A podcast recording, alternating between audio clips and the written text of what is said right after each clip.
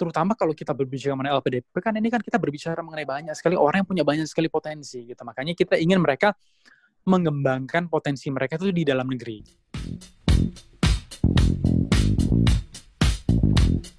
Selamat datang di podcast Mata Garuda. Kita di sini kebetulan podcast Mata Garuda seperti dengan sesi episode yang pertama, kita fokus membahas mengenai diskusi tentang para awardee.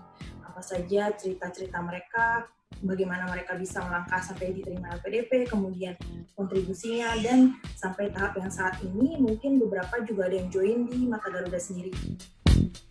Salah satunya, kita bertemu dan berkenalan dengan seorang uh, yang telah join di Mata Garuda yang cukup lama ya Mas ya. Kayaknya periode pertama juga sempat ikut, bukan saya bukan di periode tahun ini, kemudian join lagi di tahun ini dengan uh, memperoleh jabatan yang cukup berbeda.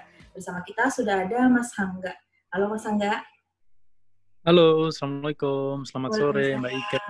Gimana kabarnya Mbak? Oh, baik Mas, sehat-sehat. Gimana Mas Angga? Alhamdulillah. Udah lama banget nih kayaknya. Alhamdulillah baik. Ya, ya. Sehat. Sehat, Alhamdulillah sehat. baik. Uh, sehat. Ini kan sekarang kita masih WFH kan, working from Mhm. home. Kalau di uh, kantor saya di SKK Migas itu kita ada Mhm. shift, jadi dua minggu dua minggu. Jadi uh, dua minggu pertama itu shift pertama masuk kantor, setelah itu uh, dua minggu selanjutnya baru saya masuk gitu. Jadi saya baru masuk kantor tuh tanggal 23 November. Jadi sekarang saya masih bekerja dari uh, rumah ini.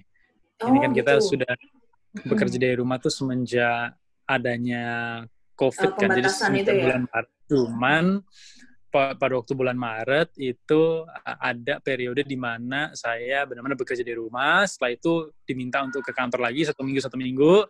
Jadi satu minggu di kantor, satu minggu di rumah. Lah setelah itu semenjak ada spike, terus kita, terus adanya pembatasan sosial berskala besar, saya full WFH. Nah, sekarang Oke. Nah, pada, waktu PSBB transisi, sekarang kita masuk lagi kantor. Cuman sekarang shiftnya dua minggu dua minggu gitu. Jadi on off on off. Jadi kemarin sempat WFH total, setelah itu satu minggu satu minggu, setelah itu WFH total, sekarang dua minggu dua minggu. Oke, kalau dari uh, profilnya Mas sendiri kan kita kenal Mas sendiri memang memiliki background, background yang cukup matang ya di bidang energi sendiri ya Mas ya. Boleh tahu nggak Iya, sih Mas, uh, kalau kita flashback ke belakang, awal mula ketertarikannya untuk join dan apa ya uh, fokus di bidang ini tuh apa sih yang mendasari ide Mas sendiri? Iya, jadi saya itu memang sudah tertarik ya di bidang energi itu semenjak tahun 2010. Lah perlu diingat 2010. bahwa Oke, cukup Bapak ya saya ya? itu dulu kan kerja di perusahaan minyak dan gas Hmm. bumi, di perusahaan multinasional namanya Oke. British Petroleum. Jadi Oke, saya ya? semenjak saya lahir, jadi saya itu lahir di Jakarta, Indonesia. Jadi saya asli orang Jawa Timur, saya orang Surabaya. Kedua orang tua saya dari, dari Surabaya, cuman uh, saya dibesarkan di lima negara. Jadi saya pernah tinggal di Amerika Serikat, pernah tinggal di Inggris, di Cina, Vietnam, dan juga di Indonesia. Lah kenapa kok saya bisa tinggal di ber- ber- berbagai macam negara? Itu gara-gara Hmm. waktu itu bapak saya pernah kerja di multi, uh, perusahaan multinasional namanya British Petroleum dan pernah ditugaskan di beber- beberapa negara. Lah saya sebagai anak kan ya udah kita ya, ibaratnya ngikut aja orang tua kita ke mana gitu. Jadi pada waktu bapak saya ditugaskan di Amerika, kita ke Amerika. Pada waktu ke Inggris, kita ke Inggris. Pada waktu di Cina, kita ke Cina. Pada waktu ditugaskan ke Vietnam, kita ke Vietnam gitu. Jadi uh, semenjak saya kecil tuh saya selalu uh, terpaparkan juga dengan pekerjaan bapak saya di bidang migas gitu. Itu kan minyak dan gas bumi kan memang termasuk di bidang energi gitu. Lah makanya pada waktu tahun 2010 itu waktu itu kan saya masih waktu itu kan masih di uh, SMA itu. Jadi Iya benar, saya itu udah itu usia. udah ingin iya uh, udah 10 tahun yang lalu. Jadi waktu itu saya uh, ingin masuk ya terjun ke bidang energi. Jadi bukan hanya minyak dan gas bumi tetapi energi secara keseluruhan. Jadi baik itu bahan bakar fosil ataupun energi baru terbarukan. Jadi itu mencakup uh, minyak, gas bumi, batu bara, terus tenaga surya, solar energy, terus ada tenaga bayu, wind energy, ada juga tenaga panas bumi, geothermal, tenaga hidro, hydropower, terus ada pasang surut, terus juga ada biomasa, biogas, terus ada juga limbah ke energi, waste energy, dan ada banyak sekali energi-energi lainnya yang sebenarnya fungsinya tuh sama seperti uh, minyak dan gas bumi dan juga batu bara, cuman memang satu itu yang ramah lingkungan, satunya yang tidak terlalu ramah lingkungan gitu. Tetapi memang uh, balik lagi itu semuanya itu kembali balik lagi ke satu bidang yaitu energi. Gitu. Kenapa kok saya itu tertarik? Bukan hanya karena saya terpapar dengan pekerjaan bapak saya dan saya itu tertarik, tetapi saya itu uh, merasakan bahwa energi itu sesuatu yang akan selalu dibutuhkan karena energi kan itu digunakan untuk transportasi, terus digunakan untuk listrik, dan itu tidak akan ke mana-mana. Jadi ke depannya itu dalam puluhan tahun bahkan ratusan tahun dari sekarang kita akan selalu membutuhkan energi. Jadi walaupun memang sumber energi kita tuh bisa berubah. Jadi mungkin yang sebelumnya kita menggunakan eh, bahan bakar fosil, kita bisa switch ke energi baru terbarukan dikarenakan itu ramah lingkungan, berkelanjutan dan sustainable gitu. Jadi dibandingkan bahan bakar fosil tetapi ujung-ujungnya kita akan selalu membutuhkan energi. Energi itu bisa listrik ya, baik untuk industri, listrik yang digunakan untuk ngecas HP kita, untuk ngecas laptop kita, untuk nonton TV, untuk untuk uh, connect ke wifi, ke internet itu kan semua butuh listrik. Lalu ditambah kalau transportasi ya seperti bis, seperti kendaraan pribadi, transportasi umum, transportasi publik itu semua kan membutuhkan namanya energi gitu. Baik itu mau mau dari dari segi bahan bakar uh, minyak ya BBM atau dari listrik gitu. Kan ada juga namanya kendaraan listrik kan mobil listrik gitu. Jadi memang ini akan selalu dibutuhkan dan tidak akan ke mana-mana gitu. Makanya yang menjadi pertanyaan ke depan itu bagaimana kita bisa menghasilkan energi baik itu energi untuk listrik ataupun untuk transportasi tetapi dengan cara yang berkelanjutan yang sustainable. Makanya saya ingin mempelajari dua bidang yaitu bahan bakar fosil dan juga energi baru terbarukan. Makanya oleh karena itu semenjak saya waktu itu SMA itu saya saya udah udah ingin terjun ke bidang energi gitu. Makanya semenjak awal tuh saya udah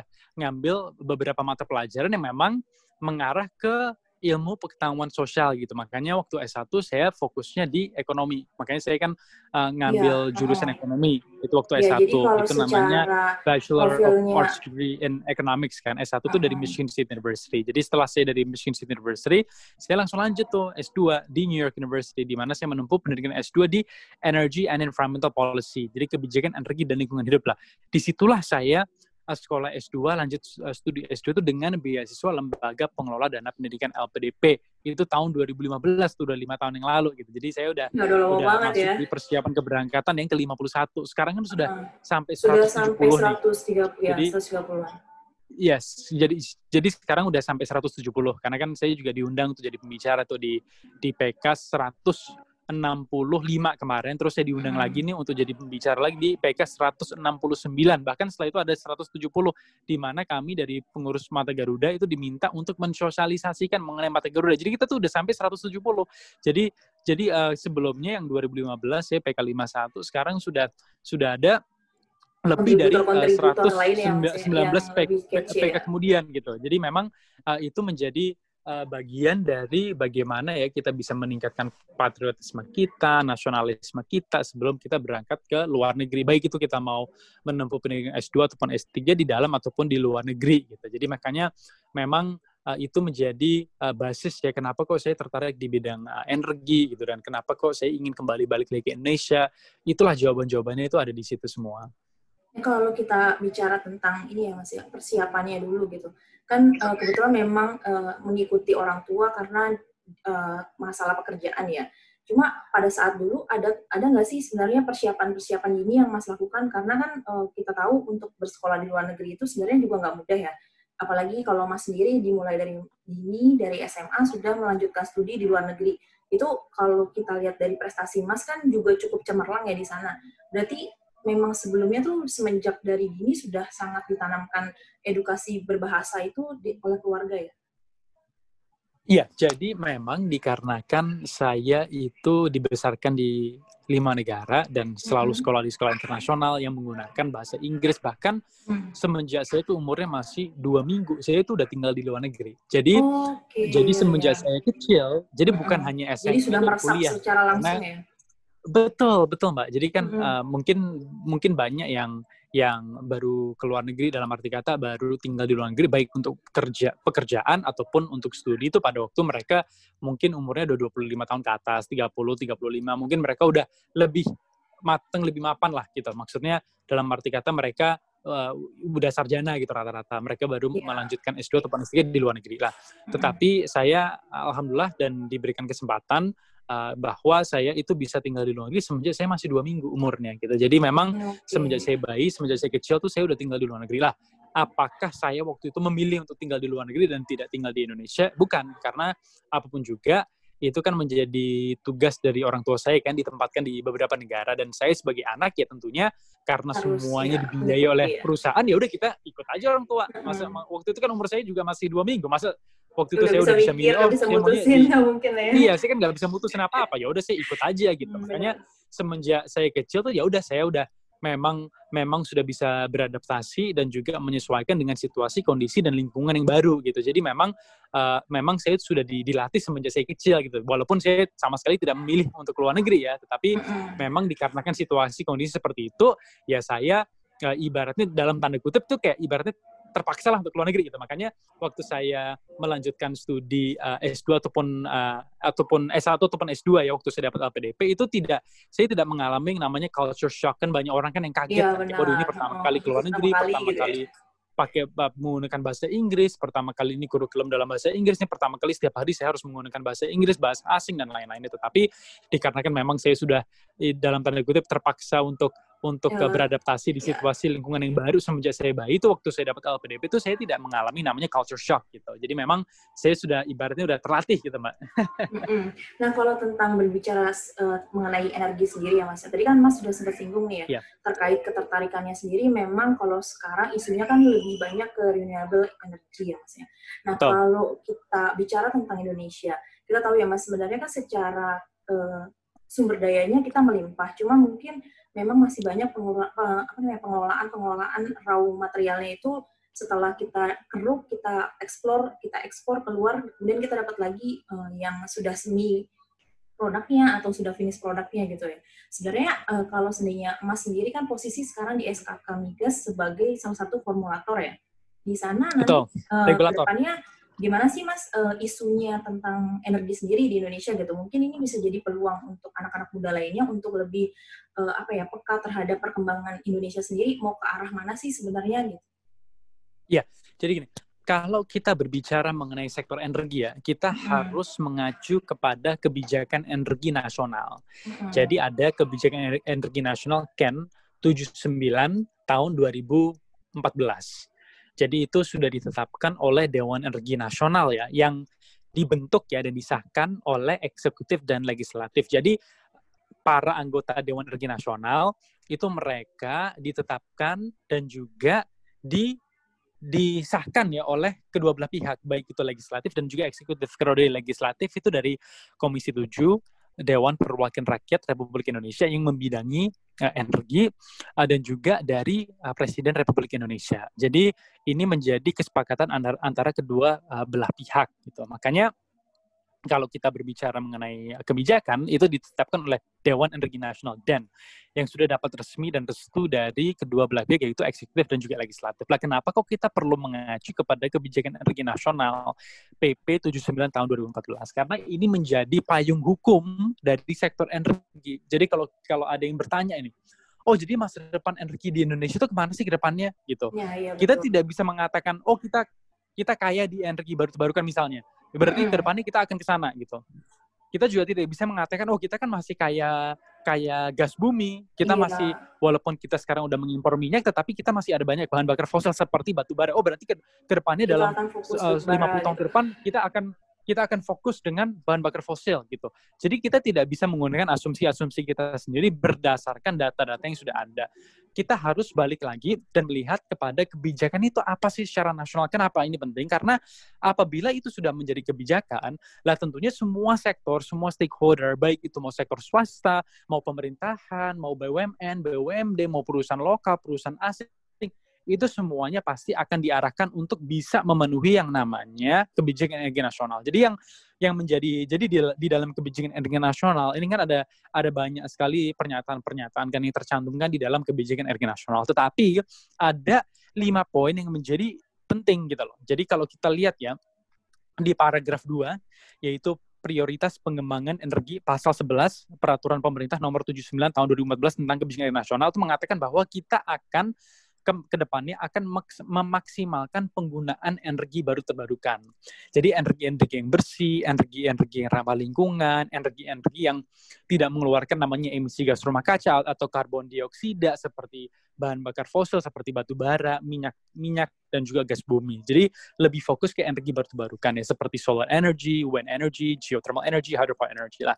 Tetapi di waktu yang sama secara paralel kita tuh ingin ya meminimalkan meminimalkan penggunaan minyak bumi. Jadi yang sebelumnya kita uh, menggunakan banyak sekali minyak bumi, sekarang kita ingin meminimalkan. Kenapa kok kita ingin meminimalkan? Karena Indonesia itu mengalami namanya shortage, kekurangan minyak. Jadi permintaan minyak itu melampaui minyak yang ah, diproduksikan di dalam negeri. Makanya semenjak ya, tahun ya? 2003 sampai betul minyak bumi. Oh, minyak minyak buminya. Makanya okay. kalau kita berbicara ya kalau kita berbicara uh, berbicara mengenai minyak bumi itu semenjak tahun 2003 2004 Indonesia itu sudah mengimpor minyak bumi. Jadi minyak yeah. bumi yang digunakan ya uh, yang digunakan itu um, itu yang di Indonesia itu permintaannya melebihi dari total minyak yang diproduksikan di dalam negeri. Makanya karena kita mengalami shortage lah ke depannya tentunya kita akan meminimalkan penggunaan minyak bumi. Lah setelah itu kita ingin mengoptimalkan dengan namanya pemanfaatan gas bumi dan juga energi baru terbarukan dan menggunakan batu bara sebagai andalan pasokan energi nasional. Lah kenapa kok kita ingin mengoptimalkan pemanfaatan gas? Karena gas itu dilihat sebagai bahan bakar fosil yang paling bersih dibandingkan bahan ber bahan bakar fosil lainnya termasuk batu bara dan juga minyak bumi. Karena kalau kita ngelihat ya dari total emisi gas rumah kaca dan juga karbon dioksida yang, yang dikeluarkan oleh uh, bahan bakar fosil, gas itu hanya mengeluarkan setengahnya dibandingkan emisi gas rumah kaca ya atau karbon dioksida dan juga emiten-emiten lainnya yang dikeluarkan oleh batu bara gitu. Makanya gas itu di, dilihat sebagai energi transisi dari bahan bakar fosil ke energi baru terbarukan gitu. Jadi ibaratnya menjadi supporting energy pada waktu kita ingin transisi penuh ke energi baru terbarukan. Makanya kita ingin mengoptimalkan pemanfaatan gas bumi ditambah kita mengalami yang namanya surplus. Jadi cadangan kita itu melebihi per, kebutuhan kita di dalam negeri gitu. Jadi memang supply itu udah melebihi melampaui demand di dalam negeri. Makanya kita ingin mengoptimalkan pemanfaatan gas bumi. Sedangkan kenapa kok kita ingin menggunakan batu bara sebagai andalan pasokan energi nasional? Dikarenakan kalau kita berbicara mengenai listrik, apa pun juga konsumen di Indonesia itu mereka lebih melihat harga dibandingkan sumber energinya. Jadi apabila kita bisa juga, ya? mendapatkan harga listrik yang lebih murah ya, ya dari uh, dari batu bara dibandingkan energi baru terbarukan, ya udah kita pasti akan memprioritaskan batu bara dan ini memang menjadi prioritas dari pemerintah. Pemerintah itu hanya peduli satu, apakah kita bisa menyediakan listrik dengan harga yang sangat murah gitu. Kalau misalnya listrik dari energi baru terbarukan masih lebih mahal, ya kita akan menggunakan batu bara yang lebih murah, murah dibandingkan gimana, energi baru terbarukan uh, secara kalau kita kan lihat ya solar dari dari kan kedua bisa mas jadi peluang satunya. Iya, jadi jadi kalau kita ngelihat ya dari kedua energi ya itu hmm. itu menjadi kena dikarenakan uh, bahan bakar fosil seperti batu bara itu harganya sekitar 6 sampai dengan 7 sen per kWh kalau kita ngelihat energi baru terbarukan termasuk solar energy termasuk tenaga surya itu mereka tuh masih double digit bahkan di atas 10 sen per kWh. Masih lebih mahal ya Lah dikarenakan harganya masih lebih mahal, harga yang diserap oleh PLN itu mereka maunya menyerap harga dari batu bara karena masih lebih murah dibandingkan energi baru terbarukan lain. Itu menjadi salah satu kendala kenapa kok energi baru terbarukan walaupun Eh, kita kaya di energi terbarukan dan kita bahkan kita bisa memenuhi semua kebutuhan nasional dengan menggunakan energi baru terbarukan. Iya, benar. Tetapi kenapa kita tetap saja menggunakan bahan bakar fosil itu dikarenakan harganya karena harga dari bahan bakar fosil itu masih lebih murah. Nah, yang terakhir, ya. poin terakhir di dalam ya poin terakhir di dalam kebijakan air nasional yaitu menggunakan nuklir sebagai pilihan terakhir. Jadi kita melihat nuklir itu sebagai last option yang seharusnya di jadikan viable option. Kenapa?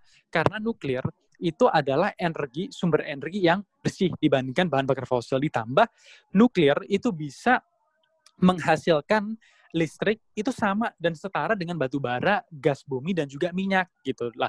Tetapi dikarenakan kita tinggal di Indonesia dan Indonesia itu ada di Ring of Fire terus ada banyak sekali yeah. volcanic activities takutnya nanti ada Biasanya apabila ada bencana ya. tentunya itu akan ada ada namanya radioactive uh, ada banyak sekali radioactive chemicals gitu yang terpapar gitu ke mana-mana jadi itu itu, itu di, dikarenakan itu itu menjadi alasan kenapa kok nuklir itu ditetapkan sebagai pilihan terakhir. Jadi kalau misalnya kita ngelihat masa depan Indonesia, memang ke depannya kita akan mengarah ke dua-duanya. Jadi bahan bakar fosil dan juga energi baru terbarukan. Tetapi kalau secara presentase, kalau kita lihat sampai tahun target yang sudah ditetapkan di dalam rencana umum energi nasional di dalam RUEN itu memang presentase dari bahan bakar fosil itu akan berkurang. Sedangkan presentase dari dari uh, energi baru terbarukan itu akan meningkat gitu. Kalau kita ngelihat ya target tahun 2025 hmm, itu mengatakan bahwa dari energi baru terbarukan itu akan meningkat ke 23 persen. Ya, sedangkan uh, kalau kita ngelihat pada tahun 2050 itu akan meningkat ke 31 persen. Jadi walaupun secara presentase itu mayoritas masih bahan bakar fosil, tetapi energi baru terbarukan itu akan tetap uh, meningkat, sedangkan penggunaan bahan bakar fosil itu akan uh, menurun gitu. Jadi Oke, jadi secara memang uh, itu menjadi uh, target dari ya? Indonesia. Nah, kalau lanjut lagi Betul. Mas, uh, jadi secara kita, pribadi uh, Mas sendiri kan kita udah sempat uh, bahas juga nih dari awal gitu kalau mamanya Mas itu selalu berpindah-pindah negara kemudian sekarang uh, entah karena kebetulan orang tuanya lagi dinas di sini atau sudah Bapak masih sudah pensiun atau gimana Mas? Ya, jadi waktu saya tinggal di beberapa negara itu mm-hmm. memang uh, orang tua saya kan waktu itu masih kerja di perusahaan multinasional. Lah mm-hmm. semenjak saya balik ke Indonesia dan menetap di Indonesia itu uh, dikarenakan waktu itu bapak saya masuk uh, politik kan, jadi dunia politik. Okay. Jadi dikarenakan mm. sudah uh, menjabat ya sebagai legislator, mm-hmm. sebagai pemangku kebijakan lah tentunya harus menetap di Indonesia. Makanya semenjak tahun 2007 sampai dengan tahun sampai dengan saya lulus SMA, itu saya sekolahnya di Indonesia gitu. Dan waktu itu saya sekolah di Jakarta International School. Lah pada waktu saya saya keterima di luar negeri ya untuk mm-hmm. untuk S1 ya baru saya tinggal lagi di luar negeri walaupun orang tua saya masih di uh, Indonesia gitu. Oh, nah kalau dari sisi uh, Mas sendiri untuk mencapai um, posisi yang saat ini uh, diperoleh ya, ini uh, Mas sendiri melakukan banyak persiapan nggak sih dulunya akan apa ya akan menggambarkan dirinya oke okay, ke depan saya mau ini saya mau ini gitu apakah Mas sudah merencanakan segala halnya untuk mencapai posisi sekarang atau memang sebenarnya uh, Mas ini punya mimpi besar yang memang kalau untuk sampai ke sana itu butuh effort yang cukup banyak dari Mas pribadi memandang yeah. diri Mas seperti apa sih? Iya, yeah. jadi kalau saya secara pribadi ya memang semenjak saya kecil itu hmm. saya selalu memiliki uh, visi misi ke depannya. Tanya apa Mas Jadi memang saya itu selalu ingin berkontribusi dan juga mengabdi kepada bangsa dan masyarakat Indonesia. Lah, saya itu tidak punya satu destinasi. Kan ada orang yang mungkin mereka ke depan, oh saya mau jadi ini, saya mau jadi ini, saya mau jadi itu gitu. Saya mau mau seperti ini, seperti itu, seperti itu. Kalau saya itu tidak tidak ada gambaran seperti itu. Kenapa? Karena apa pun juga berjalannya waktu itu kan semuanya kan bisa berubah gitu tergantung dengan situasi dan kondisi gitu. Jadi kadang kita memang mengarah ke visi misi kita sebelumnya kadang tidak gitu loh. Jadi dalam arti kata kalau misalnya kita menetapkan oh kita ke depannya mau jadi ini di ini di perusahaan ini atau apa atau punya perusahaan sendiri atau apa pun itu. Kalau misalnya kita udah punya visi besar seperti itu dan kita benar-benar fokus dengan satu visi ya takutnya nanti itu tidak akan tercapai. Kenapa maksud saya? Maksud saya itu apa? Karena apa pun juga inilah namanya kehidupan. Dalam arti kata semuanya itu tergantung dengan situasi kondisi dan semuanya itu bisa berubah berjalannya waktu. Jadi dalam arti kata eh, kadang yang yang kita tidak rencanakan sama sekali tiba-tiba terjadi gitu dan itu sesuatu yang positif juga gitu walaupun tidak sesuai dengan uh, harapan kita ke depannya gitu jadi jadi saya itu selalu ibaratnya gini saya itu selalu fleksibel dalam arti kata oke okay, saya fleksibel saya pokoknya passionate dengan bidang energi dan juga bidang lingkungan hidup. Saya ingin fokus di kedua bidang tersebut. Saya ingin berpendidikan di luar negeri, terus saya juga ingin minimal mendapat gelar S2 dan tentunya ke depannya saya juga ingin dapat S3. Setelah itu uh, ke depannya apakah saya akan misalnya jadi konglomerat atau misalnya jadi uh, bekerja di sebagai profesional di sebuah perusahaan yang besar atau atau masuk di pemerintahan itu saya fleksibel. Yang penting tujuan saya ke depannya apabila saya ke depannya uh, menjadi orang yang memang uh, mendapatkan banyak sekali kewenangan, mendapatkan banyak sekali otoritas dan lain-lainnya. Saya, saya itu selalu berpikir bahwa saya selalu ingin berkontribusi. Jadi saya tidak hanya hidup untuk diri saya sendiri, tetapi saya ingin hidup untuk banyak orang gitu. Jadi bagaimana saya bisa menjadi manfaat untuk banyak orang gitu. Jadi saya tidak tidak mengatakan oh saya ingin seperti ini seperti ini seperti itu gitu jadi saya fleksibel uh, jadi memang okay. dari dulu visi misi ke, ke depan saya itu seperti itu. Jadi tidak ada kayak patokan satu satu destinasi gitu. Jadi memang saya buatnya fleksibel karena memang namanya kehidupan kan itu bisa rencana-rencana kita pasti bisa berubah kan. Tapi yang penting untuk saya itu selalu harus kembali balik lagi ke Indonesia dan harus bisa mengabdi dan berkontribusi Nah, sibuk banget sama organisasi kan ya, Mas. Uh, secara profil Mas itu uh, banyak banget ikut join-join dan mungkin secara acara pun bisa dibilang uh, keikutsertaan Mas dalam beberapa event dan menjadi pembicara, presenter dan sebagainya itu bisa jadi lebih sibuk dibandingkan ketua mata gurda kita sendiri gitu. Sebenarnya Mas secara pribadi lebih suka menjadi seorang influencer atau eksekutor? Jadi gini. yang mana? Ya. Jadi gini. Jadi saya itu tidak pernah. Ini perlu digaris bawah ya. Iya, betul. Tidak pernah ingin ya tidak pernah minta untuk mm-hmm. misalnya oh jadi pembicara di sini di sini di sini di sana dan ingin uh, ingin ingin ibaratnya uh, tampil atau pamer itu sama sekali tidak ada keinginan seperti itu. Nah, mm-hmm. tetapi berjalannya waktu dikarenakan memang saya kan sering saya kan dengan pengalaman saya tinggal di luar negeri, terus saya pengalaman Cukup saya menarik ya, uh, bekerja ya, bekerja kaya ya beberapa profilnya.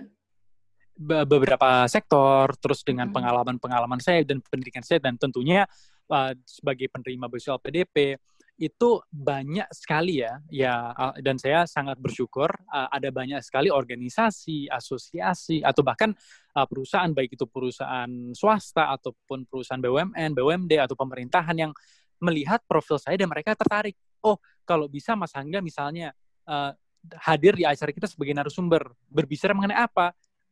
ada, bervariasi. Jadi kadang mereka minta saya berbicara mengenai energi baru terbarukan. Kadang yeah. mereka ingin saya berbicara mengenai bahan bakar fosil. Kadang mereka ingin saya berbicara mengenai bagaimana sih kita bisa mendapatkan beasiswa lembaga pengelola dana pendidikan LPDP.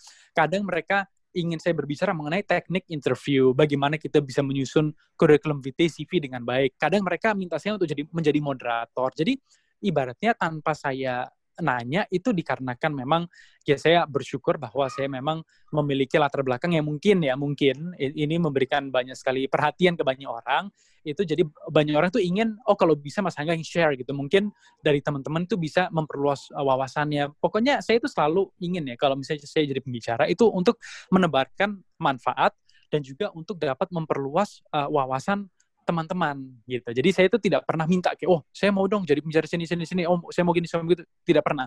Jadi saya tidak pernah ingin kayak tampil atau pamer. Selalu objektif saya itu selalu kalau saya bisa menebarkan banyak sekali ilmu manfaat, bisa berbagi ilmu dan pengalaman dan itu bisa menjadi sesuatu yang positif ya dan juga memberikan dampak yang positif. Saya udah seneng. Baik itu audiensnya mau misalnya 50 orang ataupun 500 orang itu saya tidak ada masalah. Yang penting orang hadir, terus mereka merasakan bahwa mereka bisa mendapatkan banyak sekali ilmu dari saya, saya pasti akan menjalankan menjalankan amanah saya gitu loh. Baik itu mau sebagai sekretaris jenderal Mata Garuda atau presiden Asosiasi Alumni Michigan State University atau sebagai co-founder dari Indonesian Energy and Environment Institute atau sebagai ketua bidang energi dan sumber daya mineral rumah millennials atau bahkan sebagai sebagai bagian dari Satuan Kerja Khusus Pelaksana Kegiatan Usaha Hulu Minyak dan Gas Bumi, bagian dari SKK Migas. Jadi apa pun itu kapasitasnya saya dan saya diundang itu bukan hanya satu kapasitas ya, kayak misalnya Sekjen MG gitu. Itu Sekjen MG kan baru datang beberapa bulan yang lalu. Saya sudah jadi pembicara itu udah udah udah bertahun-tahun gitu. Jadi sebelumnya itu saya diundang itu kapasitasnya berbeda-beda gitu. Tetapi yang penting saya bisa diundang, saya bisa hadir, dan saya tentunya akan meluangkan waktu apabila saya bisa untuk bisa apa?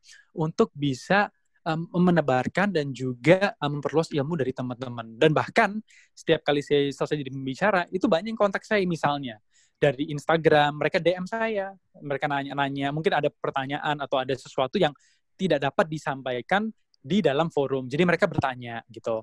Atau yang atau tidak di LinkedIn. mereka uh, mereka malu sungkan terus, gitu ya untuk bertanya betul, pada saat lokasi uh, dan waktunya yang tidak cukup banyak gitu ya. Jadi kesempatan itu betul. menjadi poin tersendiri untuk teman-teman lebih dekat dengan Mas dan bisa tahu tips and triknya mungkin ya sekaligus itu ya.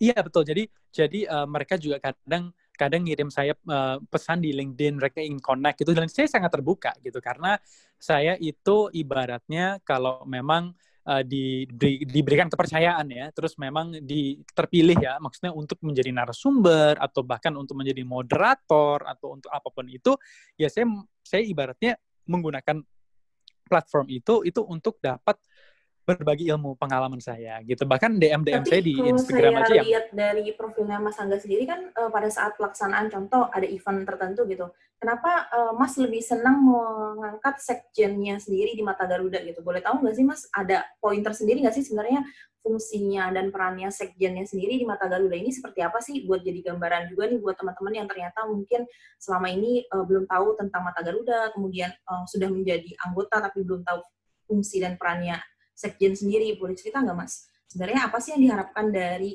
uh, Mata Garuda pada tahun 2000 periode tahun ini untuk uh, fungsinya Sekjen sendiri? Iya, jadi gini, kalau saya diundang untuk jadi pembicara, hmm. itu tidak hanya dalam satu kapasitas. Ya, Perlu diingat bahwa saya baru menjabat sebagai sekjen itu baru beberapa bulan. Hmm. Nah, kalau ditelusuri betul profil saya, saya itu udah jadi pembicara itu udah lama gitu. Jadi bahkan sebelum saya tahu tentang LPDP, sebelum saya ikut serta dalam Mata Garuda yang baru saja uh, terjadi itu saya juga udah jadi pembicara gitu. Jadi iba, ibaratnya apa? Saya itu ibaratnya udah di, diundang dan udah diminta untuk jadi pemateri itu bahkan sebelum ada jabatan apa-apa atau bahkan sebelum saya ikut serta di dalam Mata Garuda. Nah, semenjak saya diberikan amanah oleh Ketua Umum Mata Garuda, Mas Herbi Setiawan, untuk menjadi Sekretaris Jenderal dari Mata Garuda, itu saya habis itu dapat beberapa undangan untuk jadi pembicara sebagai sekjen Mata Garuda. Lah, oh, tetapi ada undangan ada juga berhubungan dengan jabatannya Mas sebagai sekjen Mata Garuda sendiri juga ya? Ada dua. Jadi okay. ada satu di mana mereka itu mengundang saya dengan kapasitas saya sebagai Mata Garuda, mm-hmm. Sekjen Mata Garuda. Ada juga yang mereka tuh ibaratnya hanya melihat profil LinkedIn saya atau mm-hmm. melihat Instagram saya langsung masukin Sekjen Mata Garuda. Padahal misalnya okay. en, misalnya topiknya sama sekali tidak ada kaitannya dengan LPDP. Mm-hmm. Topiknya sama sekali tidak ada kaitannya dengan Mata Garuda. Tapi mereka masukin jabatan itu gara-gara mereka cuma ngelihat nama saya di link eh, di Instagram atau di LinkedIn, mereka ngelihat oh Mas Angga tuh sekarang bekerja di mana sebagai apa? Habis itu mereka masukin aja. Kayak misalnya mereka kadang masukin banyak sekali jabatan. Ada sekjen Mata Garuda ada presiden alumni MSU ada ketua SDM jadi itu itu dimasukin di bawah nama saya. Jadi kayak ada empat lima jabatan di bawah nama saya. Bahkan okay. sampai saya kadang ngasih tahu gitu loh aduh kalau misalnya ini energi ya udah deh cukup co-founder I2I yang memang ada kaitannya lah dengan topiknya gitu. Kalau misalnya mengenai beasiswa LPDP dan lain-lainnya, oke okay, nggak apa-apa kita masukin Mata Garuda karena memang ada kaitannya dengan uh, gitu. Tetapi kalau misalnya mengenai energi atau mengenai hal-hal lainnya, mungkin sebaiknya ya udah kita fokus dengan kiprah saya di bidang energi dan fokus dengan energi. Kalau Mata Garuda kan memang tidak fokus di bidang energi kan. Kalau uh, Mata Garuda kan memang ya fokus di berbagai macam sektor dan itu sebuah yayasan yang menaungi semua award di LPDP gitu. Tetapi secara spesifik kan itu bukan sektor energi gitu loh. Jadi makanya itu semua tergantung dengan situasi dan kondisi gitu. Bahkan jadi uh, sebagai sekretaris jenderal uh, Mata Garuda sebenarnya apa yang apa yang menjadi uh, pengalaman saya ya bahkan sebelum jadi sekjen dan sesudah, sesudah jadi sekjen ini sebenarnya uh, kayak misalnya saya diundang jadi pembicara itu sebenarnya saya sudah diundang dan sering diundang itu bahkan sebelum ada jabatan sebagai sekjen. Cuman dikarenakan saya jadi sekjen Mata Garuda tentunya habis itu pada waktu orang ngundang itu mereka ngelihat oh apa tuh namanya ada jabatan baru nih. Ya udah kita masukin aja itu di dalam flyer gitu loh. Kadang tanpa saya tanpa persetujuan dari saya mereka langsung masukin situ ke dalam surat undangan ke dalam tor ke dalam flyer. Terus kadang saya harus ngasih tahu bahwa oh kalau misalnya ini ya mungkin sebaiknya pakai jabatan saya yang memang sesuai dengan tema acaranya gitu. Atau kadang kalau misalnya memang tentang beasiswa, oh ya nggak apa-apa ya taruh aja satu sekjen LPDP atau tidak taruh aja misalnya award di LPDP gitu. Jadi supaya ada kaitannya dengan tema. Jadi sebenarnya tergantung sih dengan temanya itu apa. Kalau misalnya temanya memang ada kaitannya secara langsung dengan kebeasiswaan ya udah di, di, kita tulis saja mata Garuda. Tapi kalau misalnya tidak ya tidak apa-apa gitu. Kita kita uh, tergantung ya dengan topik dan temanya dan bahkan kalau kita berbicara mengenai kesempatan saya untuk jadi pembicara memang itu udah udah udah dari dulu gitu loh. Jadi jadi memang saya sudah hmm. sudah aktif memang diberikan kesempatan untuk jadi pembicara narasumber. Kalau dari fungsinya sendiri sebagai sekjen gimana nih Mas? Uh, untuk yang tahun periode 2020 sendiri harapannya apa sih dari amanahnya Mas Erbi dan teman-teman sendiri terhadap fungsi jabatan ini? Ya, jadi perlu di kita perlu perlu mendefinisikan dengan baik ya. Sekretaris hmm. Jenderal itu artinya apa?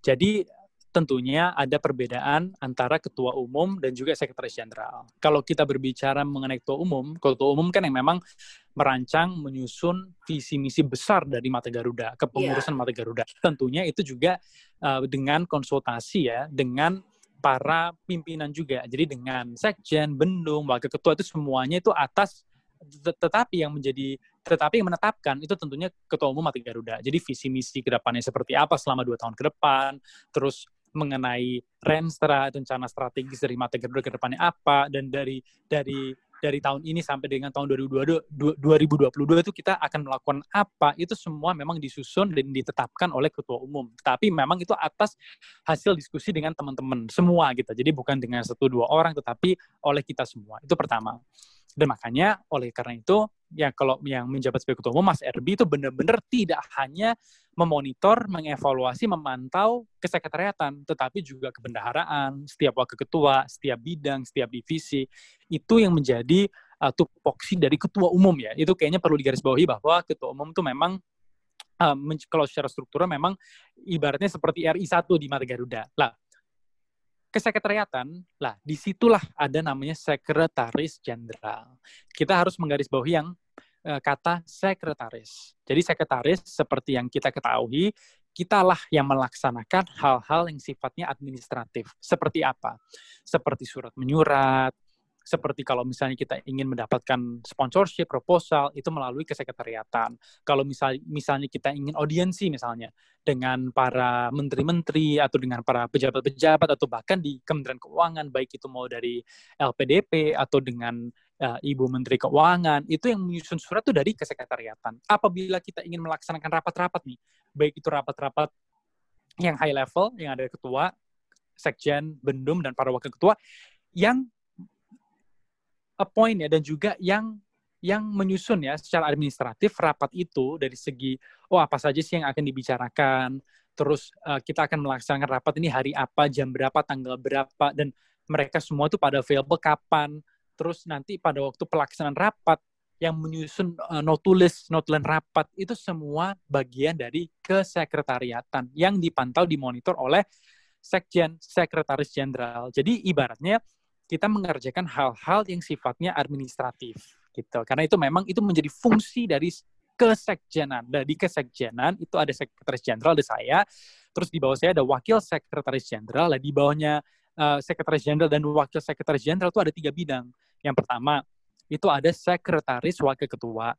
Mereka lah yang mendampingi para wakil ketua untuk melaksanakan hal-hal yang sifatnya administratif seperti menyusun notulen rapat, terus juga uh, mereka yang yang membuat ruang untuk rapat dalam arti kata mereka yang yang bikin appointment gitu. Terus mereka juga yang menyusun notulen rapat terus mereka yang juga menyusun kalender acara-acaranya di, diarahkan tanggal berapa hari apa. Jadi mereka itu ya ibaratnya itu membantu dengan flow program kerja yang sudah ditetapkan oleh setiap wakil ketua. Itu makanya bidangnya namanya sekretaris wakil ketua. Mereka ditempatkan ditugaskan untuk mendampingi setiap wakil ketua ada lagi satu lagi bidang, ada dua lagi. Namanya satu yang pertama capacity building.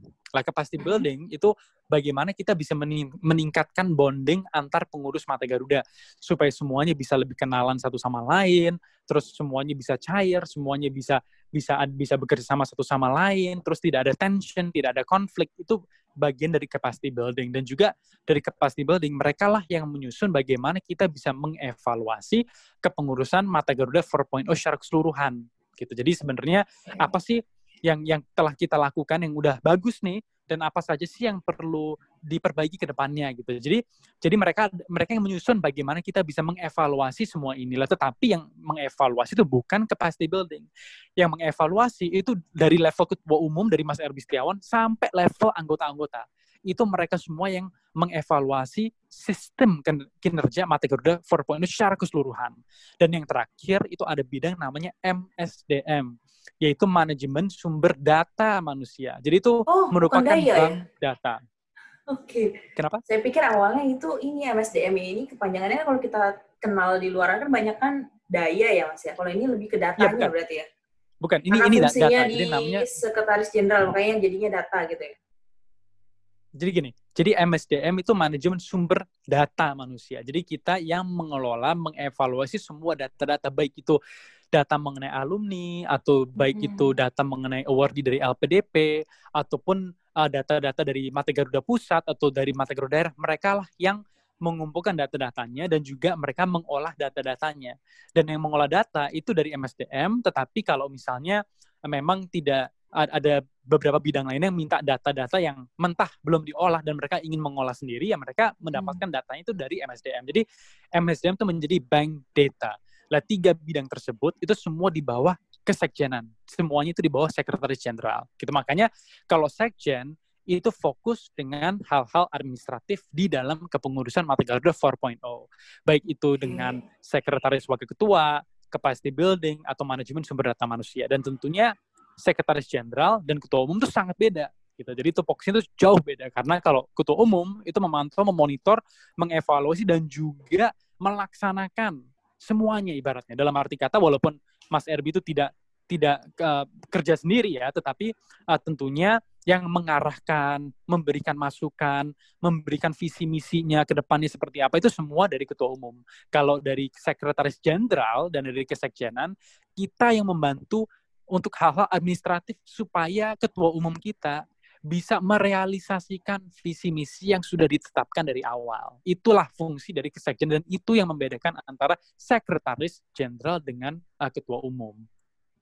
Oke, menarik, menarik. Jadi secara fungsinya sebenarnya utuh ya Mas ya, uh, dari kelengkapan data dan secara fungsi administratifnya sendiri sudah menjalani uh, tren sekarang yang membutuhkan data-data dengan cepat dan segera dengan keikutsertaan 4.0 uh, 4.0 sendiri di misinya gitu. Kalau berkaitan dengan database uh, nah kita-kita nih Mas yang sebagai awardee dari LPDP sendiri berkaitan dengan acara dari Nadiem Makarim kemarin yang kita semua diharapkan untuk hadir dalam acara tersebut ya. Kita kan mendengar ya kalau pesan beliau adalah kembalilah ke Indonesia untuk mengabdi kepada Indonesia. Dari Betul. sisi di sini menurut Mas sendiri gitu kan kita sering banget nih dengar simpang siur kayak contoh aduh emang bisa ya jadi dapetin lapangan pekerjaan gitu dengan bidang saya di Indonesia gitu dan saya sendiri merasa tertarik sih sama profil Mas gitu maksudnya ini ke, uh, penasaran saya sendiri gitu maksudnya energi terbarukan lah salah satu contoh yang menjadi uh, apa namanya antusiasmenya dari Mas sendiri gitu. Itu kan nggak semuanya energi terbarukan bisa jalan penuh ya di Indonesia. Maksudnya nggak semua lembaga bisa mengakomodir ide ide-ide kita nih yang dari anak muda gitu. Memang contoh dari salah satu contohnya energi terbarukan. Memang ada tapi kadang kita tuh terbentur dengan memang contoh ada saingan lah dalam perekrutan pekerjaan dan sebagainya. Tapi uniknya sekarang ini kan kayak posisi Mas sendiri sudah bisa menjadi co-founder dari yang memang fokus di bidang energi sendiri yang tadi sudah Mas sebutkan ya secara organisasi NGO-nya gitu. Nah kalau dari sini boleh nggak sih Mas uh, secara Mas sendiri mempersiapkan apa yang Mas lakukan di masa lalu gitu sampai bisa sampai ke posisi sekarang gitu ketika banyak banget uh, simpang siur terkait anak-anak muda yang beralasan, aduh gimana nih lapangan kerjaan kami kalau seandainya kami kembali ke Indonesia tapi ternyata kita nggak dapat nih kesempatannya gitu. Mas mau kasih apa ya insight apa sih ke teman-teman kita ini?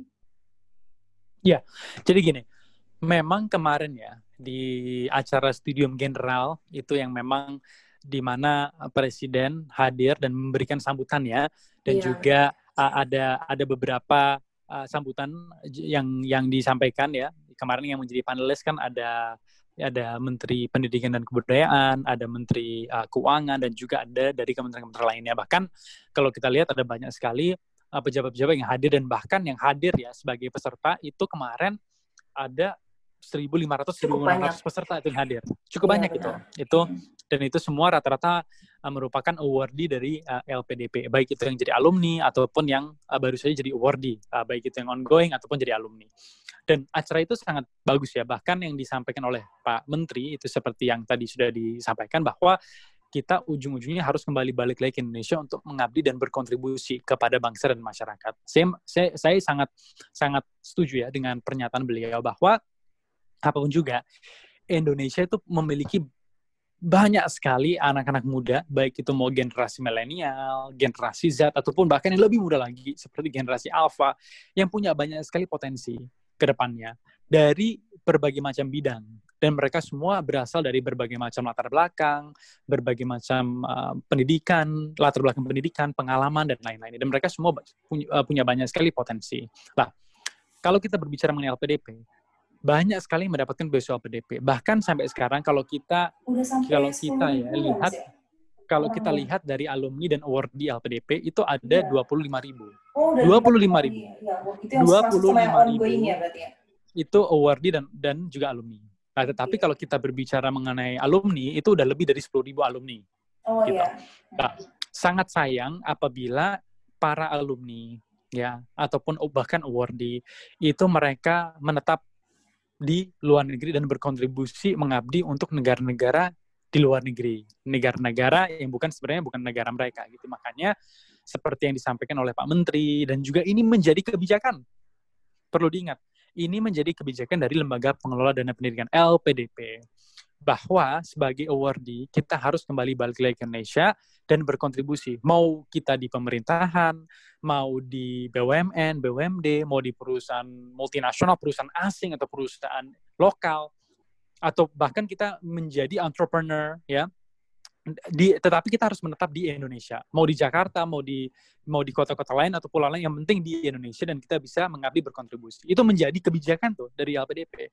Apabila kita tidak memenuhi itu, lah tentunya semua biaya yang ditanggung oleh LPDP, baik untuk program S2 atau S3 kita, itu harus dikembalikan lagi ke LPDP. Itu menjadi kebijakan dari LPDP. Dan itu memang di, uh, dinyatakan oleh LPDP. Lah, kenapa? kok seperti itu? Lah karena kita ingin memastikan bahwa sumber daya manusia kita yang terutama kalau kita berbicara mengenai LPDP kan ini kan kita berbicara mengenai banyak sekali orang yang punya banyak sekali potensi gitu. Makanya kita ingin mereka mengembangkan potensi mereka itu di dalam negeri. Lah, mengembangkan potensi itu ada banyak sekali cara seperti yang disampaikan oleh, oleh uh, Mas Nadiem Makarim. Memang betul ada banyak sekali orang anak-anak muda ya, terutama dan bahkan juga award di LPDP, alumni LPDP, mereka itu udah kembali balik lagi ke Indonesia, tetapi tidak bisa dapat pekerjaan. Jadi ada banyak sekali potensi, ada banyak sekali sumber daya manusia kita sangat kaya dan lain-lainnya. Mereka sudah sudah ada energi dan antusiasme nih untuk kembali balik lagi ke Indonesia dan mau mengabdi, tetapi nggak dapat lowongan pekerjaan. Lah seperti yang disampaikan di dalam studium general oleh Bapak Menteri Menteri Pendidikan dan Kebudayaan bahwa memang tidak semua sektor itu bisa menyerap semua tenaga kerja yang ada dan available memang seperti itu gitu. Karena karena hampir mustahil ya kalau misalnya kita berharap setiap perusahaan di seluruh Indonesia itu bisa mengakomodir ribuan orang yang ingin dapat pekerjaan. Makanya dianjurkan ya dan di-encourage oleh oleh Menteri Pendidikan dan Kebudayaan bagaimana kita tetap bisa tetap bisa uh, menurunkan reduce yang namanya unemployment rate ya. Orang-orang yang ibaratnya dalam tanda kutip mereka tidak masih belum beruntung dan dapat lapangan kerja daripada kita nunggu untuk mendapatkan lowongan pekerjaan, lah kita menjadi entrepreneur. Kita punya usaha kita sendiri. Baik itu mau usaha skala besar atau skala kecil atau apa pun itu, tapi kita membuat lapangan pekerjaan kita sendiri. Jadi kita tidak ibaratnya kita tidak bergantung dengan orang lain gitu. Tetapi kita mm, kita juga membangun ekosistem kita sendiri. Itu menjadi salah satu solusi yang kemarin sempat disampaikan oleh Mas Nadim dan saya sangat setuju. Gitu lah bagaimana kita bisa mengaktualisasikan potensi kita ke depannya. Lah, saya itu kan menjadi salah satu co-founder dari Indonesian Energy and Environmental Institute I2I. Nah, di I2I itu kita objektif kita itu bagaimana kita bisa ya kita bisa memberikan ya dan juga memastikan bahwa masa depan Indonesia itu berkelanjutan dari segi energi dan juga lingkungan hidup itu visi besar dari I2I. Ya, Itu udah berjalan Misi kita, lama ya, Mas? Itu sudah berjalan selama empat tahun. Oh, Bahkan sebelum sebelum saya menjadi alumni LPDP, sebelum saya lulus, sebelum saya ikut kepengurusan Malaya Garuda, jauh sebelum itu saya sudah mendirikan CSO Civil Society Organization menjadi salah satu pendiri dan penggagas dari Indonesian Energy and Environmental Institute. Nah, untuk bisa mencapai visi kita itu bisa melalui pelatihan, itu bisa melalui pendidikan, itu bisa melalui policy advocacy, itu juga bisa uh, melalui riset gitu. Ada banyak sekali cara. Lah salah satu hal yang kita lakukan itu adalah kajian di bidang energi baru terbarukan. Lah perlu diingat ya bahwa uh, memang Indonesia itu sudah mengarah ke energi baru terbarukan dan ini semua ini semua ya terbukti karena Indonesia itu telah meratifikasi persetujuan Paris ya dari COP21. Itu sudah menjadi undang-undang ya. Hmm. Jadi COP21 di mana target dari COP21 itu untuk menurunkan emisi gas rumah kaca supaya temperatur global itu tidak meningkat lebih dari 1,5 derajat Celcius pada tahun 2050. Itu sudah diratifikasi oleh lebih dari 150 negara. Ada banyak sekali negara-negara yang sudah meratifikasi yang namanya Paris Agreement gitu dan salah satunya itu Indonesia. Lah di Indonesia kita memiliki yang namanya nationally determined uh, contribution. Jadi di Indonesia itu memang kita punya target-targetnya sendiri. Lah target kita di Indonesia itu untuk menurunkan emisi gas rumah kaca sebesar 29% pada tahun 2030 atau 41% dengan bantuan internasional. Itulah yang menjadi objektif dari uh, Indonesia di dalam persetujuan Paris. Lah, ini sudah menjadi undang-undang nomor 16 tahun 2016 tentang pengesahan Paris Agreement untuk menurunkan emisi gas rumah kaca sesuai dengan NDC pada tahun 2030. Jadi ini sudah diketok palu nih di eksekutif dan juga di legislatif. Dan ini menjadi sesuatu yang binding di mana kita harus bisa mencapai target-target kita. Jadi pemerintah apakah pemerintah memang sudah mengarah ke energi baru terbarukan? Sudah gitu. Dan apakah kita udah ke sana? Ya tentunya iya gitu tetapi memang itu butuh banyak sekali effort makanya kajian-kajian yang dilakukan oleh para pemuda-pemudi seperti saya di dalam civil society organization itu tetap berjalan gitu supaya kita bisa encourage semua stakeholder itu untuk berinvestasi di namanya energi baru terbarukan. Lah makanya walaupun ada beberapa kendala-kendala tentunya kan tidak semua ekosistem itu sempurna. Tetapi ke depannya kita ingin menargetkan bagaimana sih Indonesia itu bisa mencapai yang target 23% pada tahun 2025 dan juga 31% pada tahun 2050 dan juga menurunkan namanya emisi gas rumah kaca karena perlu diingat bahwa sektor energi itu berkontribusi terbesar kedua ya kalau kita berbicara mengenai emisi gas rumah kaca setelah land use, land use change and forestry. Nah, makanya kalau kita uh, berbicara mengenai uh, sektor energi lah tentunya ada ada hope ke depannya gitu. Tetapi makanya Eh, saya itu ingin para pemuda-pemudi itu untuk untuk terus berjuang eh, di energi terbarukan walaupun memang di kebijakan energi nasional seperti yang saya sudah sampaikan sebelumnya itu sudah ditetapkan kalau kita itu memang tetap akan menggunakan bahan bakar fosil. Lah tetapi kita akan pelan-pelan shift beralih ke ya, energi ya. baru terbarukan. Beralih. Lah karena kenapa kok kita beralih? Karena ya, energi baru terbarukan itu adalah energi bersih dan energi yang berkelanjutan. Dan itu memang sudah dikatakan dan sudah dinyatakan itu di dalam rencana umum energi nasional RUEN. Dan itu terbukti bahwa presentase dari bahan bakar fosil itu akan berkurang ke depannya.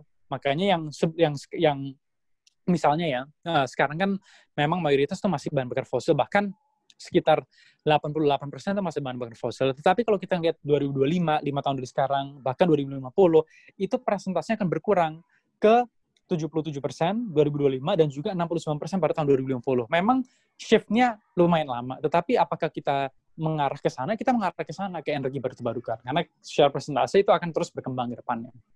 Oke, menarik banget nih uh, bincang-bincang kita sama Mas uh, Hangga sendiri. Anyway, untuk pertanyaan terakhir nih Mas, saya pengen tahu secara yeah. pribadi sih. Kalau Mas Hangga sendiri ini kan sudah malang melintang ya di Eh, internasional gitu, maksudnya sudah berkunjung sampai hingga 40 negara. Kecintaan Mas terhadap Indonesia itu apa sih Mas yang benar-benar uh, Indonesia itu menarik gitu? Kalau dari mata Mas apa? Ya, jadi kalau saya lihat ya, Indonesia itu negara yang sangat besar dan negara yang memiliki banyak sekali potensi. Kalau kita berbicara mengenai penduduk, kita tuh negara terbesar keempat di dunia setelah ya, betul. China, India, dan Amerika Serikat. Jadi dari segi potensi sangat besar, dari segi penduduk sangat besar, dari Sabang sampai Merauke. Kita ada 34 provinsi, 17.500 pulau, dan 75.000 desa di Indonesia. Yang setiap desa itu memiliki potensinya masing-masing. gitu. Jadi kalau saya lihat, Indonesia itu negara yang berkembang, dan ada banyak sekali potensi yang masih belum digarap, masih belum dimanfaatkan secara optimal. Gitu. Makanya saya melihat Indonesia itu sangat bisa menjadi negara yang maju dan sangat bisa untuk mencapai visi Indonesia Emas tahun 2045 di mana kita menjadi salah satu perekonomian terbesar di dunia bukan hanya di Asia Tenggara bukan hanya di bukan hanya di uh, Asia tetapi di seluruh dunia. Makanya saya itu tidak hanya mencintai Indonesia ya dari segi potensi tetapi apa pun juga saya adalah warga negara Indonesia. Asal usul saya itu dari Indonesia. Orang tua saya keluarga saya orang Indonesia. Saya orang Jawa Timur saya orang Surabaya. Jadi ujung-ujungnya saya akan selalu walaupun saya udah tinggal di lima negara, saya udah ke 40 negara, saya udah dapat exposure secara internasional. Oke, okay, itu menurut saya bagus lah pengalaman yang bagus. Tetapi tidak ada artinya apabila saya tidak kembali balik lagi dan juga berkontribusi dengan cara yang positif. Gitu makanya saya selalu ingat dengan Indonesia dan saya tidak akan ke mana-mana. Dalam arti kata, uh, saya akan menetap di sini. Ya tentunya ke depannya, ya tentunya kalau misalnya saya ada kunjungan kerja ke luar negeri, tentunya saya akan selalu menjalankan itu. Tetapi ujung-ujungnya ya saya menetap di sini dan saya ingin berkontribusi semaksimal mungkin untuk bangsa dan masyarakat Indonesia.